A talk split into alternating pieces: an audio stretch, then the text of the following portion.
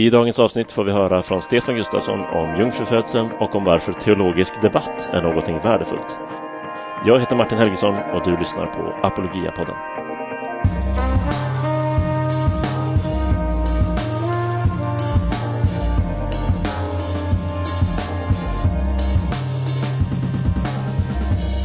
Här sitter jag med Stefan Gustafsson som eh, ganska nyss kommit hem från eh, Vårgårda.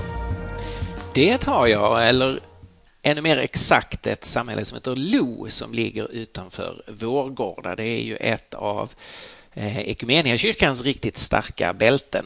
Jag förstår. Det är inte riktigt mina delar av Sverige eller det kyrkliga landskapet så jag, är, jag har inte så bra koll. Men eh, vad kul att höra att du har varit där. Vad, vad hände där?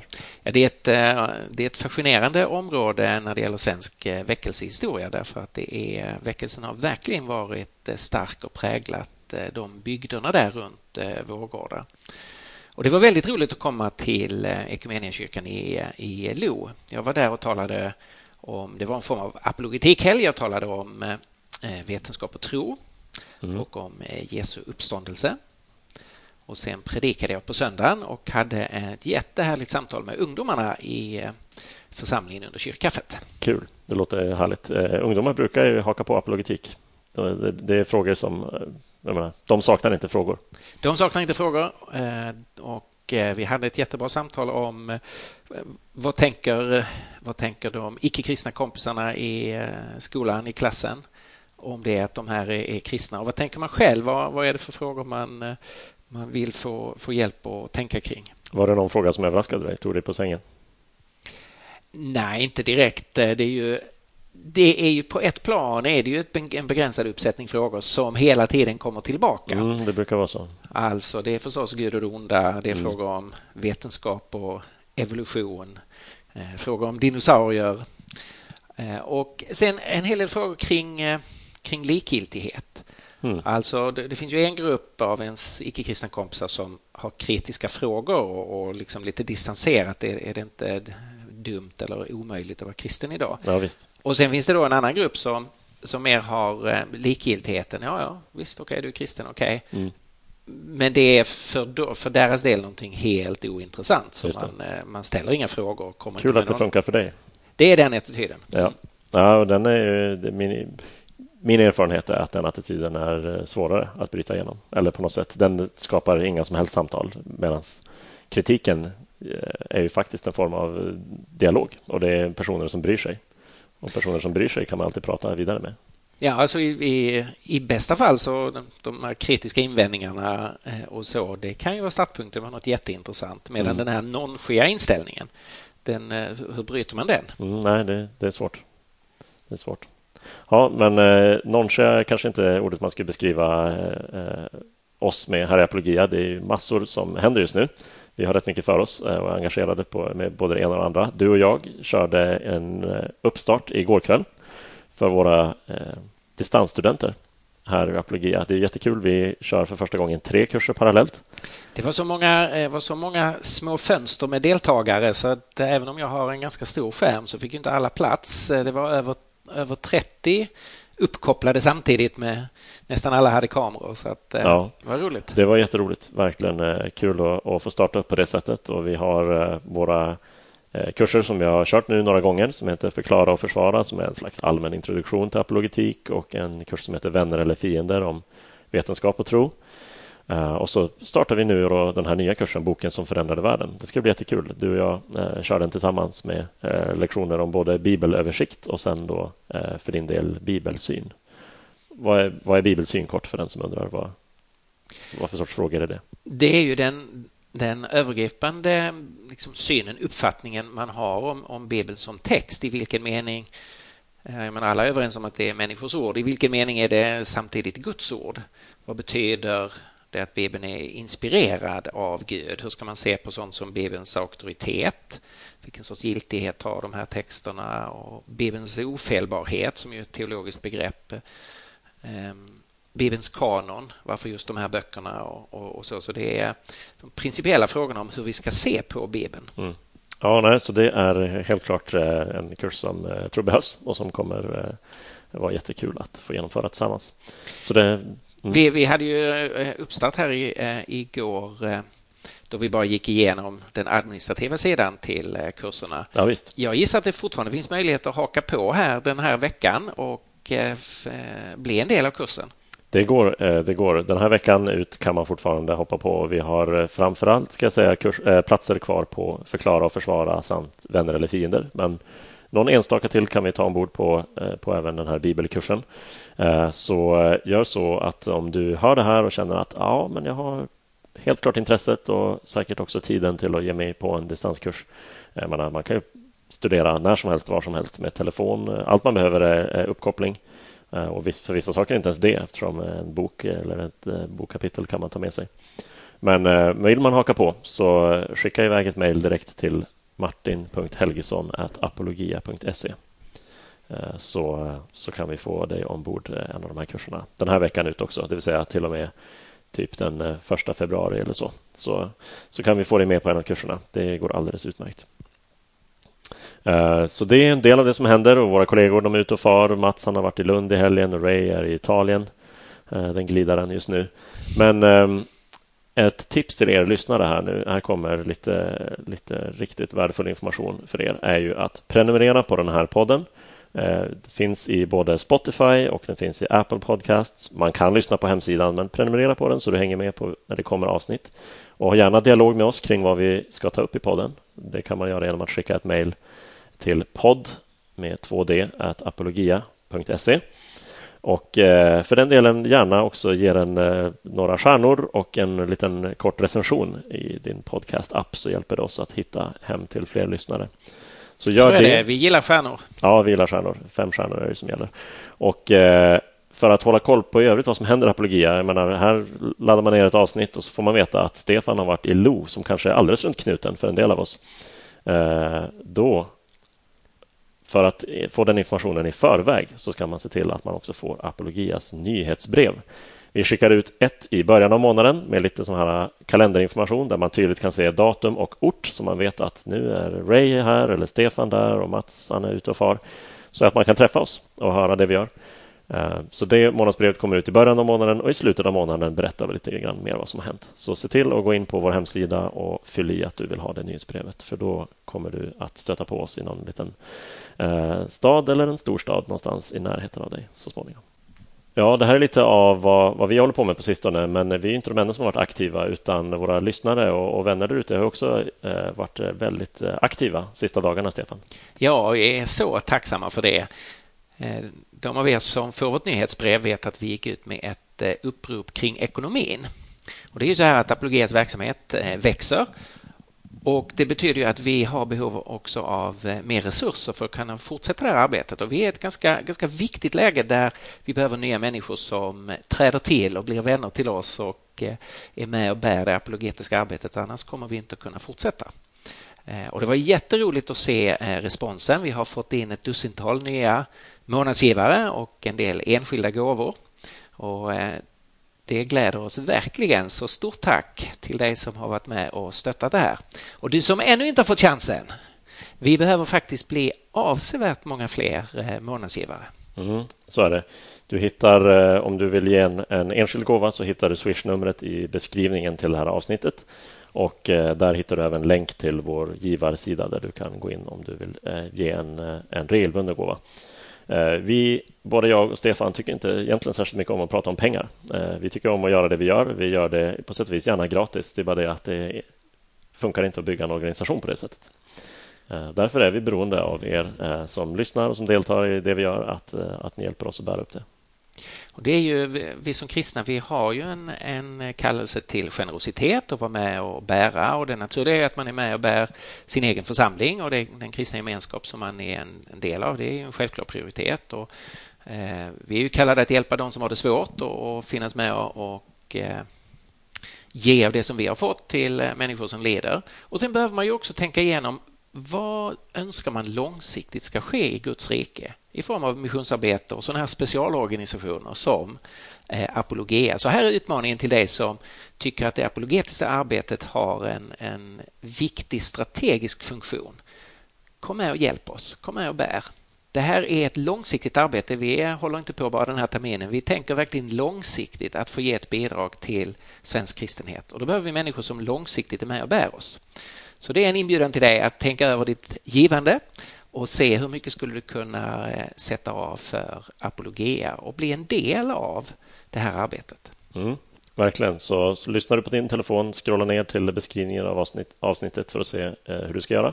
Och lyssnar du på hemsidan så scrollar du också helt enkelt ner till där det står engagera dig så har du uppgifterna du behöver där. Vi, vi är tacksamma till er som lyssnar och står med oss redan och eh, vi behöver som sagt bli fler så haka på.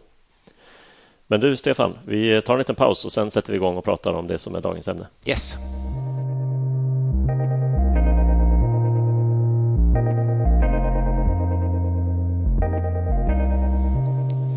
Ja, den som eh, är en uppmärksam lyssnare och har ett någorlunda bra minne minns kanske att jag i slutet av förra avsnittet sa att eh, vi nästa gång du och jag, Stefan, skulle prata om eh, lite olika trender och tendenser i apologetikens utveckling under ja, 10-talet eller om man vill titta framåt. Så där. Vad är det som så att säga händer om man zoomar ut och gör en liten överblick? Och det vill vi fortfarande göra. Men Absolut. någonting har kommit emellan eh, som gör att vi inte kommer prata om det idag. Och det som har kommit emellan här det är ju en debatt mellan dig och självaste ärkebiskopen Antje Jackelén. Eh, inte en sån här debatt där man pratar med varandra i samma rum utan den har utspelat sig på lite tidningssidor i debattartiklar.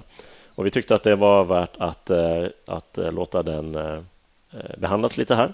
Vi pratade igenom lite grann vad ni debatterade men inte minst också vad som är poängen med teologisk debatt. För det du och jag oftare har pratat om när vi pratat om debatter, det har ju varit när du har en debatt med kanske en ateist någonstans eller eh, någonting sånt där och det handlar om eh, ja, är kristen tro sann eller inte? Men här har en mer inomkyrklig debatt om man säger så. Det är ju två kristna ledare här som debatterar med varandra.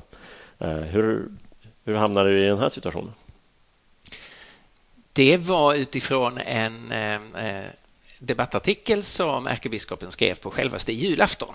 En artikel i Expressen om julens budskap. Mm.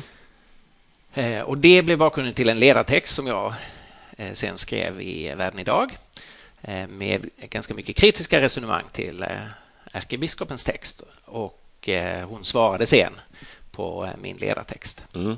Det är fint. Och så att säga utgångspunkten i, i hennes, om vi börjar med hennes första text då, eh, den handlar om jungfrufödseln, eller åtminstone var det det du eh, framförallt ville ta upp. Men det var ju också ganska centralt i det hon skrev. Eh, och hennes poäng med jungfrufödseln var ju att den, eh, i och med att det inte då är någon eh, man inblandad i Jesu tillkomst, eh, skulle så att säga eh, vara en eh, Eh, åtminstone indirekt, men som jag uppfattar henne ganska direkt ett, eh, en utmaning mot patriarkatet. Ja, det var ju ett försök från ärkebiskopen att hitta en eh, samtidsanknytning mellan julevangeliet och vår tid och koppla ihop det med ett feministiskt tänkande eller antipatriarkalt tänkande. Eh, jag tycker väl inte att det är speciellt rimlig tolkning att säga att det, är en, eh, att det är det som är själva poängen. Men det var egentligen inte det som jag reagerade kring utan det var att den, den diskussionen som fördes den ramades in av påståenden om att eh, det här inte är en sexuell sanning, jungfrufödseln, och att de som skrev om det här inte var gynekologer. Alltså, det gav intryck av att sätta frågetecken för det som är den klassiska förståelsen. Just Nämligen just att eh, Maria blev gravid utan mans medverkan som ett sätt för Gud att stryka under eh, Jesu dubbla natur, att, att han är en människa men han är också Guds son av evighet. Det här eh, påståendet att de som skrev evangelierna inte var gynekologer är inte bara i, i så att säga, saklig mening sant. Det är ju lite slagkraftigt, men de visste ju hur barn blev till.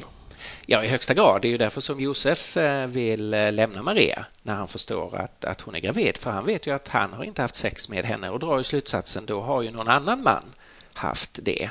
Precis. Så det är ju ingen ny upptäckt hur barn blir till även om man inte har kunnat alla teknikaliteter kring biologin. Nej, precis. Det är svårt att komma ifrån att alla i, i den här berättelsen ändå vet mycket väl hur, vart barn kommer ifrån. Mm. Um, vad får dig att välja om du ska ge dig in i en teologisk debatt eller inte? För nu är det ju självaste ärkebiskopen, det är julafton och alla vill fira jul och ha trevligt. Eh, man vill inte precis käbbla med, med vem som helst om vad som helst. Eh, varför eh, så att säga ta upp pennan eller tangentbordet och skriva ett svar? Ja, det tål, det tål att fundera på. Och det finns ju anledning för oss kristna att verkligen välja diskussioner. Och det finns många frågor där det visas det är att med generositet acceptera att vi kristna kommer till lite olika slutsatser. Vi gör en del olika tolkningar kring, kring bibeltexter och så. Mm. Men sen finns det ju andra frågor som är, som är centrala kristna frågor och där vi som kristna inte längre är överens.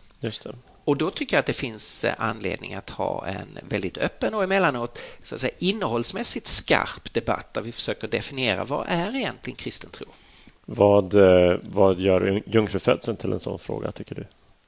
Eftersom du valde att agera på den så att säga, hugga på den om man säger så.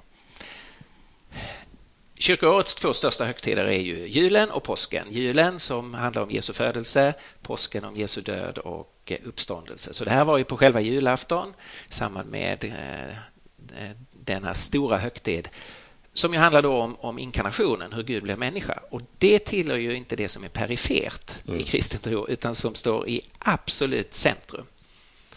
Och eh, när de tidiga kristna, redan runt år 140 tror man, eh, skulle formulera vad är egentligen de omistliga delarna av vår tro så formulerade man det som vi kallar för den eh, apostoliska trosbekännelsen och som i kyrkor över hela världen, liturgiska kyrkor, eh, fortsätter att bekänna, recitera varje söndag. Och då är ju faktiskt en av de punkterna är född av jungfru Maria. Mm.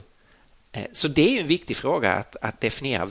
Vad är det vi menar med detta som vi varje söndag reser oss upp och bekänner som det mest grundläggande och det förenande för oss som kristna. Mm. Absolut, och det är ju inkarnationen, julens liksom budskap om att Gud har blivit människa är ju eh, i sig ett så positivt, ett så underbart eh, budskap att eh, det, vi borde inte ha några motiv som kristna för att på något sätt vilja sätta frågetecken eller skapa osäkerhet kring har Gud verkligen blivit människa eller är det någonting vi intalar oss själva för att, för att det låter fint? Um, hur upplever du att den här debatten um, Eh, gick? Känner du att ni kom någonstans? Du fick ett svar. Eh, du skrev ett svar som publicerades i Världen idag och, och eh, ärkebiskopen hon kom tillbaka med ett svar till och så vidare. Känner du att, det, att eh, liksom, samtalet gick framåt? Kanske inte i kanske inte så väldigt långt. Ärkebiskopen uttryckte en viss irritation över att jag hade väckt de här frågorna och tyckte att jag hade missförstått henne och slog fast att hon visst tror på jungfrufödelsen och, och inkarnationen. Vi kan ju poängtera att, att den rubrik som sattes på din första artikel där var ganska rakt på om man säger så. Och det var inte vald av dig, men, men sånt händer när man skriver i en tidning. Sånt händer. Sånt händer. Men det som, eh, det som fortfarande liksom står, hänger kvar det är mer exakt vad menar ärkebiskopen när det gäller eh, jungfrufödseln. Jag fick sen efter den här debatten så var det någon som skickade mig en, eh, en länk till en radiointervju som eh, eh, Sveriges Radio har gjort med ärkebiskopen eh, på det vi i Skåne kallar för lillejulafton, 23 Aha. december. Samma, samma jul alltså? Samma jul och kring samma ämne. Mm. Och då får hon en väldigt, då får hon en väldigt rak fråga där från, från journalisten. Vad säger du till sådana som verkligen bara vill ha krassa bevis? Det klassiska är ju jungfrufödelse, det existerar inte. Hur kom Jesus till? Det är en väldigt rak fråga mm, kring absolut. tillblivelse, jungfrufödelse. Och då är, då är ärkebiskopens svar att dels tala om att det är så lätt att hänga upp sig på detaljer, att jungfrufödelsen inte har varit en viktig del i debatten i teologihistorien. Och sen gör hon en referens till antikens myter. När man gräver i det här blir det väldigt fascinerande därför att i antiken så betyder jungfrufödelse att här föds det någon som är alldeles, alldeles unik. Och det var väl det som Lukas ville ha sagt när han skrev om att ängeln kom till Maria. Så här förstår ärkebiskopen jungfrufödelsen utifrån antikens myter. Och det är ju ingen som menar att de berättelserna om jungfrufödelse handlar om en verklig historisk händelse, en kvinna som blir med barn utan mans medverkan. Och de är ju dessutom extremt patriarkala de myterna. det är mycket problematiskt att förstå jungfrufödelsen utifrån dem därför att där är det ju förklädda gudar som förgriper sig på kvinnor. Mm, inte någon vidare tillgång, varken historiskt eller teologiskt. Nej, det är det faktiskt inte. Eh, och det som står kvar för mig här, det är en eh, det är en sak som är en, en generellt sett en väldigt viktig punkt att, att inse, nämligen att mycket av liberalteologin fungerar så här att man behåller den klassiska teologins språkbruk och terminologi men man har definierat om innehållet. Men trots att det nu är ett, inno, eh, ett nytt innehåll så använder man fortfarande samma termer som man har gjort tidigare i kyrkans historia. Så man ställer sig gärna upp och, och stämmer in i den apostoliska trosbekännelsen men man tänker sig någonting annat än vad man har gjort i, i kyrkan genom seklerna.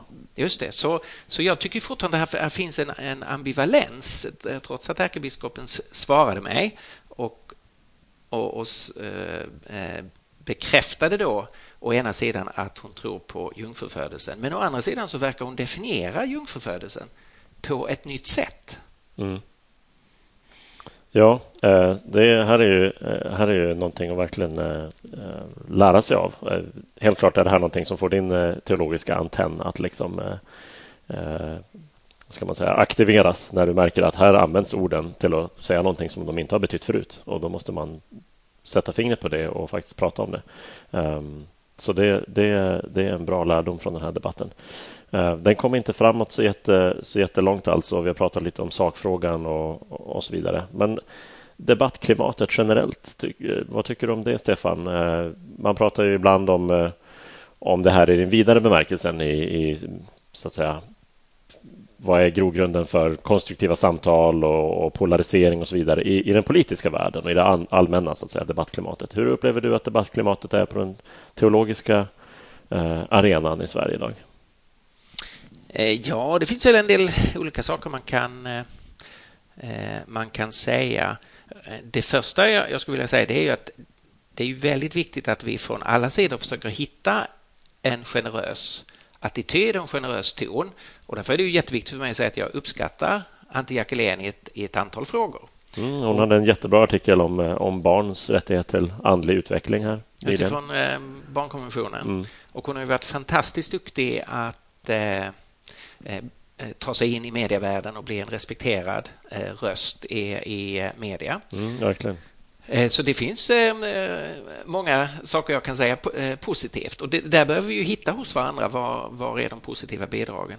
Men sen behöver vi också kunna ha en, en väldigt öppen och innehållsmässigt skarp diskussion kring det centrala i den kristna tron. Och här har jag en egen liten reflektion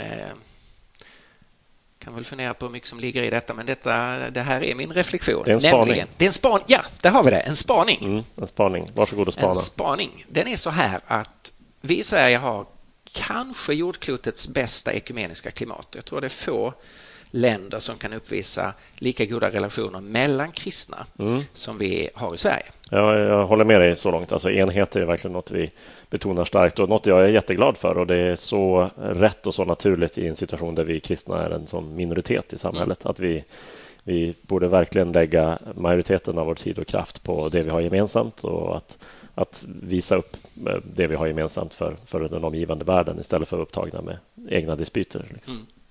Och där har, ju, har vi ju en, eh, en bred gemensam plattform i Sveriges kristna råd mm.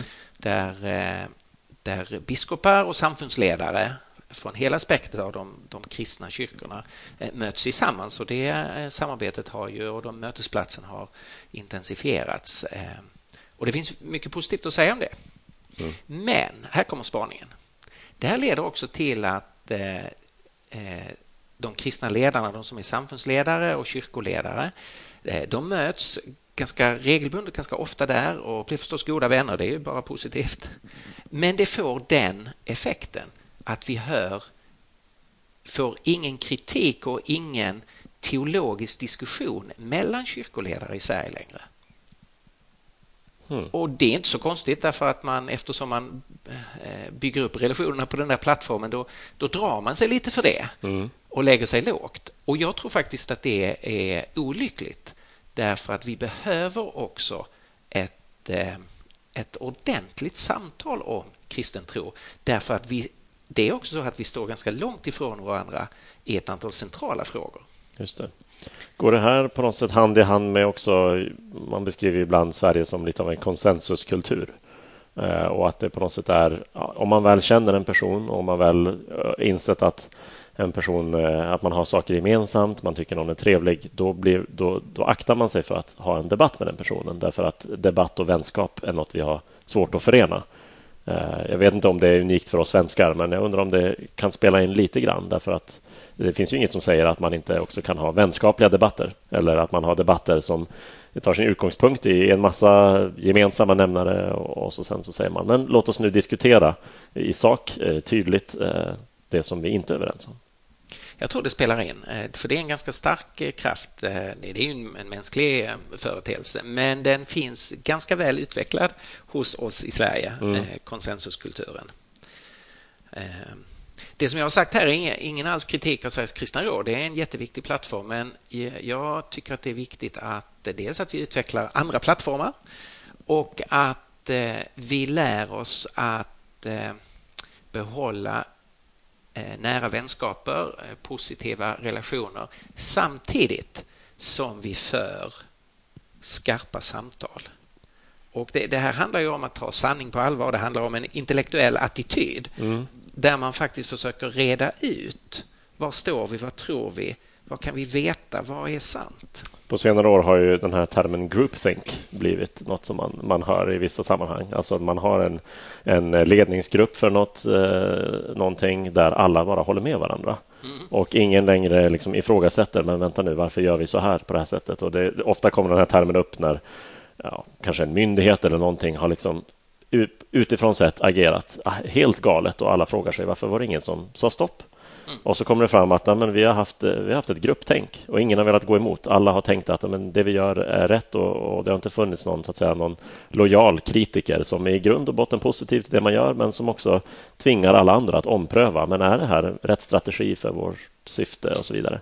Uh, och jag tänker att det kan vara en fara. Alltså vi, Bibeln säger att järn skärper järn och att man är faktiskt beroende av människor som säger emot en ibland. Annars om man alltid bara klappas med hårs så, så känns det bra men man får inte chansen att verkligen vässa och definiera, bli tydlig, bli skarp i tanken. Vad menar jag egentligen med det jag säger? Det, det, finns ju ett annat exempel här. Vi har pratat om Sveriges kristna råd, men om vi, eh, om, om, vi tänker på ett enskilt eh, kyrkosamfund, nämligen Svenska kyrkan, så skulle jag säga att den här eh, tendensen så kommer ytterligare en spaning här. Den gäller ju i mycket hög grad biskopskollegiet. Mm. Alltså det finns ju inte längre någon debatt mellan Svenska kyrkans biskopar i teologiska frågor. För mig som är yngre har det varit så tidigare? ja, det var ju jättestor skillnad. Om man går tillbaka till 70 eh, och 80-talet så eh, var det ju så att säga, i sig själv oproblematiskt att biskopar gick ut och profilerade sig kring sin teologiska vision sin teologiska övertygelse och sånt som kanske präglade det stiftet. Eh, om, om vi tänker på en person som, eh, som Bo Giertz. Just det. Eh, det var ju inte alla biskopar som höll med honom och nu Nej, tänker jag inte bara på ämbetsfrågan som förstås diskuterades mycket utan det gällde ju många andra teologiska frågor. Det fanns en mycket större, jag skulle säga frihet och öppenhet för teologisk diskussion och en respekt för att i Svenska kyrkan finns en mångfald av andliga traditioner och teologiska övertygelser och det är inget konstigt om det i biskopskollegiet finns olika övertygelser. Men nu försöker man hela tiden i biskopskollegiet visa en, en enad yta utåt. Mm. Och jag är inte säker på att det faktiskt är till Svenska kyrkans fördel. Nej, det är intressant. Ja, några spaningar här ja. om eh, debattklimat och enhet och att det är kanske lite mer komplicerat än att man bara alltid ska vara överens. Alltså. Kärlek och sanning tillsammans. Mm. Det är det vi ska sträva efter. Inte den lättaste kombinationen, men vi tror att den är möjlig och vi tror att den är viktig. Så är det. Ja, och med det så eh, är vi väl snart redo att eh, stänga av mikrofonerna, Stefan. Men det är inte som att vi säger hej då för det, eller hur? Nej, vi kommer inte undan varandra. Nej, vi måste se mer av varandra redan samma dag. Så är det. Det är eh, lite inofficiell eh, bokrelease ikväll på eh, Nakna utan att blygas. Just det. Du talar i Roseniuskyrkan, en kyrka som vi sitter i och som jag jobbar för. Vi har valt att ha ett föredrag med dig här ikväll då vi ska prata om den sexuella revolutionen. Jag har bett dig komma och hjälpa oss att förstå den här tiden som vi lever i och hur den har förändrats de senaste ja, 60-70 åren eller så. Eh, framförallt eh, gentemot tidigare i hur vi ser på, eh, på sex, kärlek och relationer men också hur vi rent socialt utformar våra liv. Det är en väldigt stor och genomgripande förändring som har skett. Ja, det är det verkligen. Och det är ett högaktuellt ämne i eh, en av rubrikerna på första sidan i eh, Dagens Nyheter idag var en fråga. Hur kan man avgöra vad som är normal sexualitet? Mm. Så det är ju inte bara en fråga för kristna eller kyrkan utan hela vår kultur håller på att diskutera vad ska vi ha för gränser egentligen? Det är nästan så att man skulle kunna rekommendera din bok till de som lyssnar, eller hur? Det drar åt det hållet. Det drar åt det hållet därför att det här är frågor som alla um, vi kanske inte kan säga att alla diskuterar det för att en, en hel del av oss drar oss för att, att diskutera äktenskap och sexualitet offentligt. Men det pågår jättemycket eh, frågor och ärligt talat sen hela metoo-rörelsen drog igång också en slags omförhandling av vad ska den sexuella revolutionen mynna ut egentligen? Ska vi ta bort gränser eller ska vi hitta nya gränser? För alla inser att eh, gränserna behövs. Eh, det har vi sett mer de senaste tre åren än, än vad vi kanske ville som kultur inse innan, innan den vågen sköljde över oss, eller hur? Nej, men så är det. Den eh, sexuella revolutionen den är uppe för en form av omförhandling just nu. Så det är ett väldigt intressant och viktigt läge att eh, tänka igenom frågor om sexualitet. Kan du inte komma ikväll till Roseniuskyrkan så kan du alltid beställa boken på apologia.se. Nakna utan att blygas heter den med underrubriken Den sexuella revolutionen och en revolutionär syn på sex. Mm. Med det säger vi tack och hej då för den här gången. Du hör Apologia-podden snart igen och eh, kom ihåg det vi sa i början. Vi vill gärna ha dig som prenumerant på podden. Skriv gärna en liten recension eller ge den några stjärnor så att andra kan hitta den lite lättare. Och eh, stå med oss i Apologias arbete. Vi behöver dig som eh, inte bara lyssnare utan som, som bärare genom ekonomiskt understöd. Så det tackar vi för på förhand och vi hörs igen nästa gång. Hej då! Hej då!